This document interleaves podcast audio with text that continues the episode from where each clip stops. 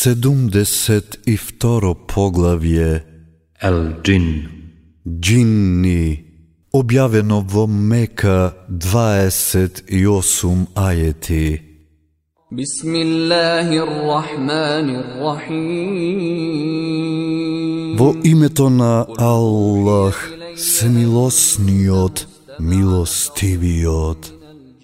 Кажи, мене ми е објавено дека неколку джинни прислушкувале и рекле Ние на вистина Куранот кој предизвикува восхит го слушавме, кој на вистинскиот пат упатува и ние во него поверувавме и веќе никого нема на Господарот наш рамен да му сметаме, тој нека биде возвишено достоинството на Господарот наш, не сизел, ни сопруга, ни дете. Еден наш безумник за Аллах лаги говореше, а ние мислевме дека ниту луѓето, ниту джинните за Аллах лаги не говорат. И имаше луѓе кои од джинните помош бараа, па така ароганцијата им ја зголемија. И тие мислат, како што мислите и вие, дека Аллах никого нема да оживее. И ние настојувавме небото да го допреме и утврдивме дека е со мокни чувари и огнени метеори. И седевме околу него на местата за прислушкување за да чуеме нешто, но тој што сега прислушкува на метеор кој демне ке наиде, И ние не знаеме дали на оние на земјата им се подготвува зло или Господарот нивен им сака добро. А меѓу нас има и добри и такви кои што тоа не се, не има различни видови. И ние знаеме дека не можеме на Аллах на земјата да му се спротивставиме, ниту да му избегаме. И ние, штом Куранот го чувме, во него поверувавме, а кој верува во Господарот свој, ниту од штета, ниту од неправда не треба да се плаши. И има послушни муслимани, а не има и заталкани. Тие што исламот ке го прифатат, вистинскиот пат го избрале, а тие што скршнале во джехеннемот гориво ке бидат.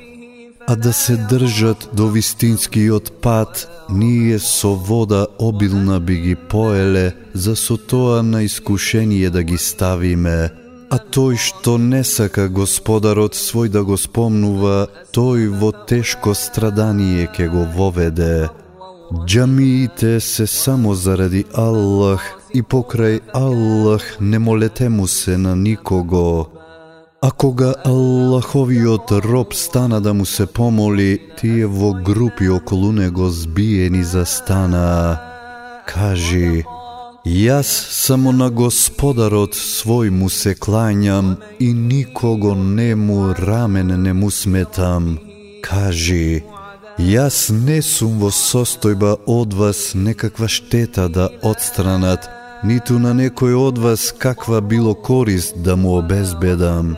Кажи, мене никој од Аллаховата казна не може во заштита да ме земе, само кај него јас можам прибежиште да најдам. Можам само да го соопштам тоа што е од Аллах и од посланието негово, а тој што на Аллах и на пратеникот негов нема да им биде послушен, сигурно го чека огнот джехеннемски, во него вечно и за секогаш ке остане. И кога тие ке го видат тоа што им се ветува, ке дознаат кој е послаб во помош и помалуброен. Кажи, Јас не знам дали наскоро ќе биде тоа што ви се ветува или Господарот мој одредил тоа по подолго време да биде. Тој тајните ги знае и тој тајните своји не ги открива никому, освен на тој што тој за пратеник ке го одбере.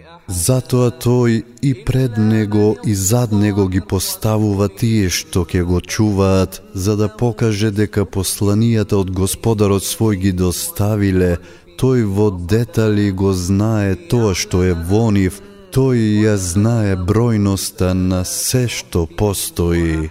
أحاط بما لديهم وأحصى كل شيء عددا